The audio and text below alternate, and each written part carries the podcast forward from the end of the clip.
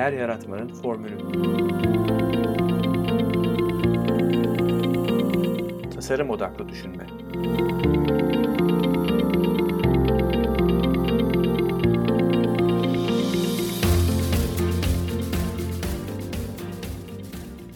Merhaba, ben Mete Yurtsever.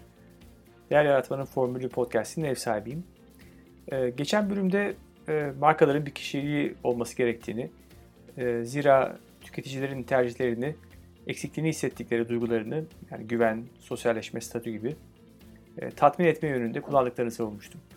E, yine e, geçen bölüme e, atıfta bulunursam, e, medikal bir uzman izlenimi veren Pronamel, e, bu vesileyle öğrenmiş oldum markanın adını, e, marka diş macunu beni e, dişlerimi daha iyi koruyacağını inandırmış. Belki dişlerim başkalarının gözünü almayacak veya nefesim önüne geleni dondurmayacak. Yani sosyal bir ortamda insanları etkilememe yardım olmayacak. E, ama benim bir diş macunundan fiziksel beklentim tıbbi koruma. Duygusal beklentim ise güven. Bence bu durum markaların konumlandırılma ihtiyacına işaret ediyor. Ve Byron'ın markaların farklılaşmasını değil, ayrılaşmasının yeterli olduğu yaklaşımıyla taban tabana zıt düşüyor. Şimdi bu bölümde e, pazarlamanın markadan da önce gelen asıl ilgi alanına yani tüketiciye yani insana geçiş yapalım. Byron e, markaların bir hedef kitleye değil de e, tüm tüketicilere seslenmesi gerektiğini söylüyordu, e, savunuyordu.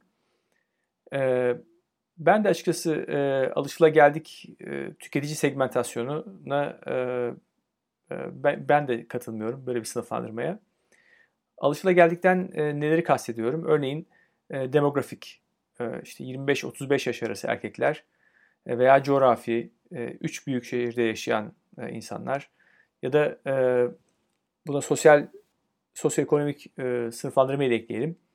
E, C ses grubunda gibi. E, ses grup e, tanımlamalarında mümkün olduğunca nesneler olmasına çalışılmış e, parametreler seçilir biliyorsunuz ama bence bunlar da tüketicilerin e, davranışlarını belirleyen nitelikler değil. Peki aynı apartmanda oturan, aynı yaş ve gelir grubunda yer alan erkeklerin, daha da abartalım, aynı iş yerinde çalışan, aynı okuldan mezun e, kişilerin tüketim, tüketim tercihlerinin aynı olduğunu iddia edebilir miyiz?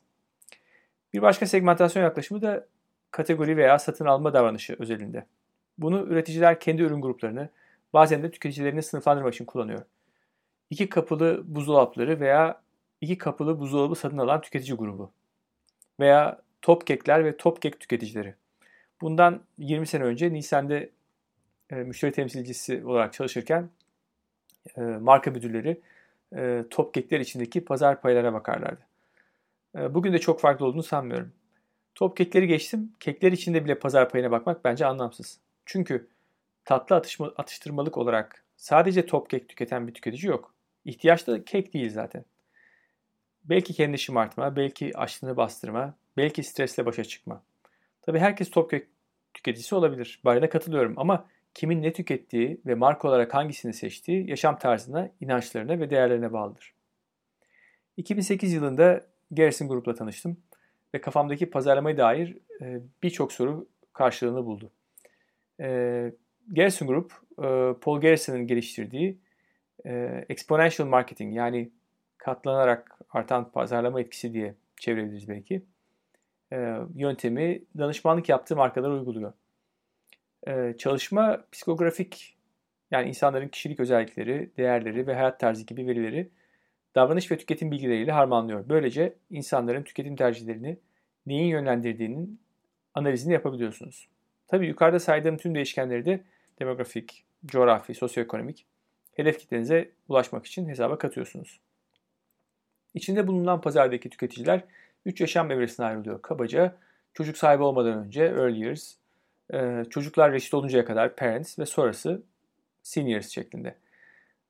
Tüm bu evrelerde de psikografik ve davranışsal benzerlik gösteren kümeler oluşturuluyor. Segmentasyonun e, en temel e, ayrıştırıcı özelliklerinden bir tanesi insanları 3 yaşam evresine ayırıyor.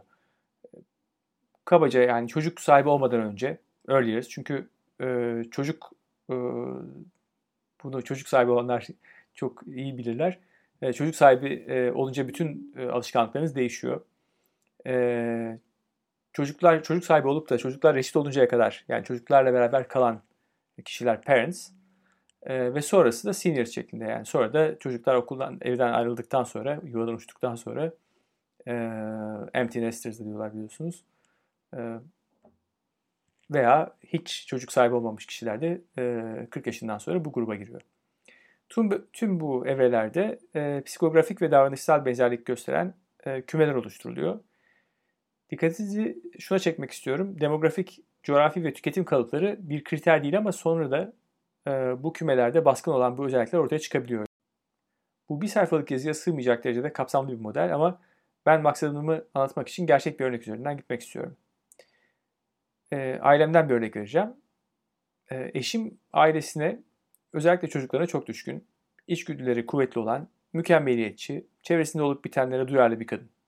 Şu an çalışmıyor ama iş hayatını bir amaç değil, e, geçim sağlamak için bir araç olarak görüyor. Parayı harcarken de kaliteden ödün vermiyor ama parayı ne için ödediğinin farkında yani bilinçli bir tüketici. Evde misafir ağırlamayı ve onları yaptığı hazırlıklarla mest etmeyi çok seviyor. Buraya kadar onun kişiliğinden, hayattaki değerlerinden ve davranışlarından bahsettim. Eşim Garrison'a göre bir actualizer yani gerçekleştirici. İki küçük çocuk sahibi 30-40 yaş aralığında üniversite mezunu ve bir büyük şehirde doğmuş olmasının tüketim tercihleri üzerindeki etkisi bir önceki tanıma göre çok daha azımsanabilir durumda ama önemsiz değil tabi. Öte yandan örneğin çevresi hakkında duyarlı olabilmesi, büyük oranda onun kültürel ve ekonomik açıdan toplumun üst sıralarında yer almasıyla mümkün olabiliyor. Bu da actualizer'lara ortak bir özellik oluşturuyor. Aynı zamanda da onu diğer üst sosyoekonomik sınıfta yer alan kişilerden ayrıştırıyor. Geçtiğimiz aylarda eşimin arabasını yenilemeye karar verdik.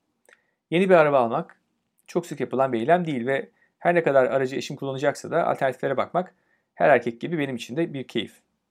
Kendimizce belirlediğimiz bütçe içinde birçok marka ve model araba seçtim. Hatta üşenmedim belli başlı özelliklerini gösteren bir Excel tablosu yaptım.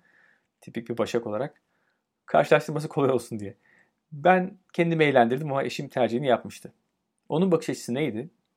İhtiyaç olarak birincisi çocuklarımın güvendiği ve ihtiyacım doğrultusunda İstanbul'un yokuşları, kaotik trafik, kış koşulları gibi performans gösterebilecek bir araba. Fiyat olarak yüksek kaliteli ama kalite maliyet dengesi olan. Fayda olarak da yüksek performanslı bir motor, 4x4 çekiş, yüksek güvenlik testi notu, çevre dostu, otomatik vitesli, dayanıklı bir araba. Yüksek performanslı motor deyince 2 litrenin altında araçlar eşimin gözünde zayıf kalıyor. Dizelleri unutun. Hem o gücü hissedemiyorsunuz hem de çevre için benzinlilerden daha zararlı olduğu meydana çıktı.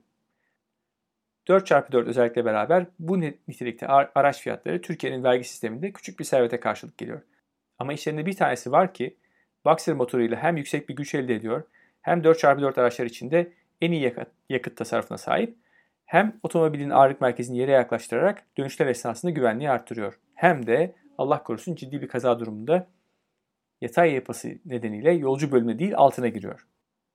Fiyatı da aynı motor gücü ve 4 çeker muadillerinin neredeyse yarısı. Şimdi böyle arabayı yeme, pardon, e, kullanma da içinde yat. Bu kadar reklam yaptım ama artık söylemesem olmaz. Aldığımız araç bir Subaru Forester. Subaru markası ki Türkiye'de hala pek popüler sayılmaz. Dünyada oldukça sadık bir müşteri grubuna sahip olmasıyla tanınıyor. Subaru'nun pazarlama stratejisi dokümanını görmedim tabi. Ben gözlemlerimden bir çıkarsıma yapıyorum. Diyelim ki doğru tespit etmişim. Actualizer'lar Subaru'nun hedef kitlesi. Confidence in Motion, hareket halinde güven, uzun yıllardır kullandığı USP'si.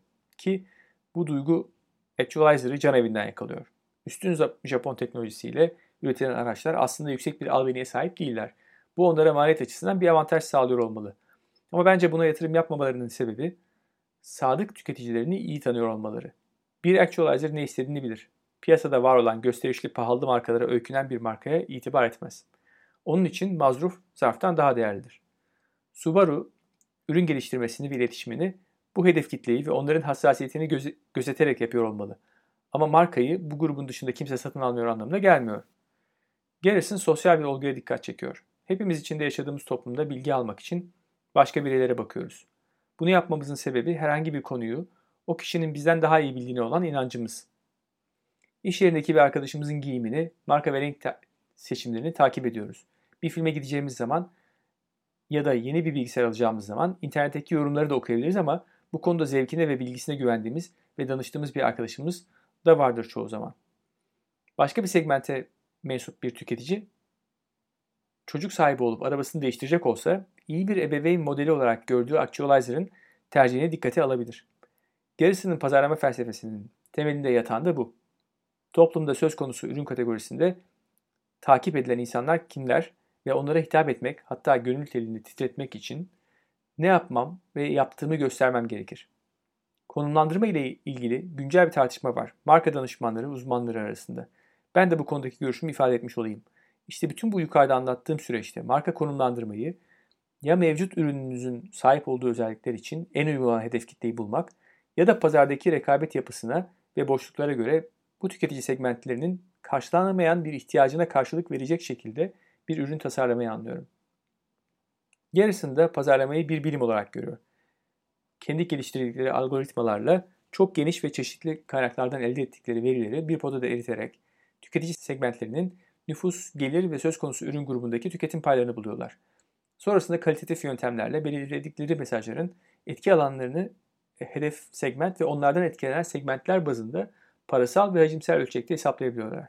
Dolayısıyla alternatif konumlama ve iletişim tercihlerinizin fırsat maliyetini görebiliyorsunuz ve portföy stratejinizi yönlendirebiliyorsunuz. Ben yine de bu kadar pozitif bilim gibi bir sağlama yapma arayışında değilim. Çünkü çok gerçekçi bulmuyorum doğrusunu isterseniz. Bu hesapların dayandığı varsayımları bilmek ve tutarlılıkları görmek bana yeterli geliyor. Coca-Cola'cıların bir dönem söyledikleri gibi bence pazarlama yarı bilim yarı sanat olmalı. Yoksa oldu olacak yapay zekanın ilerlemesiyle işi kaybedecekler arasına pazarlamacıları da eklesinler bari. Evet bugün de size 28 Haziran 2017 tarihli Brand Talks'taki blogundan Her Parası Olana Müşteri Sanmak adlı yazımı paylaştım. Enteresan olan bir şey daha var. Bu yazıyı yazdığımda halen eski işimde çalışıyordum. Ve ayrılmaya karar verdiğim zaman Paul'la da bir görüşme yapmıştık. Paul bu arada Why Human Centric Marketing ve Exponential Marketing gibi birçok e, pazarlama kitabının yazarı. E, aynı zamanda e, üniversitelerde e, ders veriyor. E, Boston merkezi Garrison Group'un e, kurucu başkanı. E, Paul'le bir görüşme yapmıştık ve e, Paul de beni e, Garrison Group'un Türkiye'deki partnerler arasında e, katılmamı teklif etmişti. Ben de e, çok e, yürekten inandığım bu modeli e, masanın öbür tarafında sunmanın ve orada çalışmanın çok keyifli olacağını düşündüm ve kabul ettim. Programla ilgili notlarda Subaru'nun 2016'da kullandığı reklamını izlemenizi öneririm. Subaru'yu Subaru yapan aşktır sloganıyla bitiyor.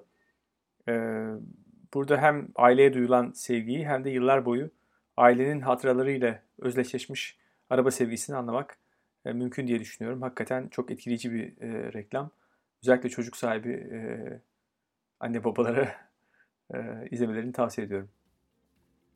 Eğer bu konular yani insan odaklı pazarlama, tasarım odaklı düşünme, davranış ekonomisi e, gibi konular sizin de ilginizi çekiyorsa e, lütfen e, bu podcast'te e, üye olun. Sorularınız varsa e, yanıtlamaktan e, büyük keyif alacağım. E, elimden geldiğince hızlı bir şekilde. E, buna çok dikkat edeceğime emin olabilirsiniz. E, aynı şekilde e, dahil etmemi e, istediğiniz belli e, konular varsa, belli başlıklar varsa veya e, röportaj yapmamı e, isteyeceğiniz e, kişiler varsa bunları da öneri olarak e, belirtirseniz çok sevinirim. Her bölümle ilgili e, kullandığım kaynakları e, veya e, tavsiye edeceğim ve içeride geçen, bölüm içerisinde geçen e, kaynakları da e, mutlaka e, sizinle paylaşacağım. Beni dinlediğiniz için çok teşekkür ederim. E, tekrar görüşünceye kadar hoşçakalın.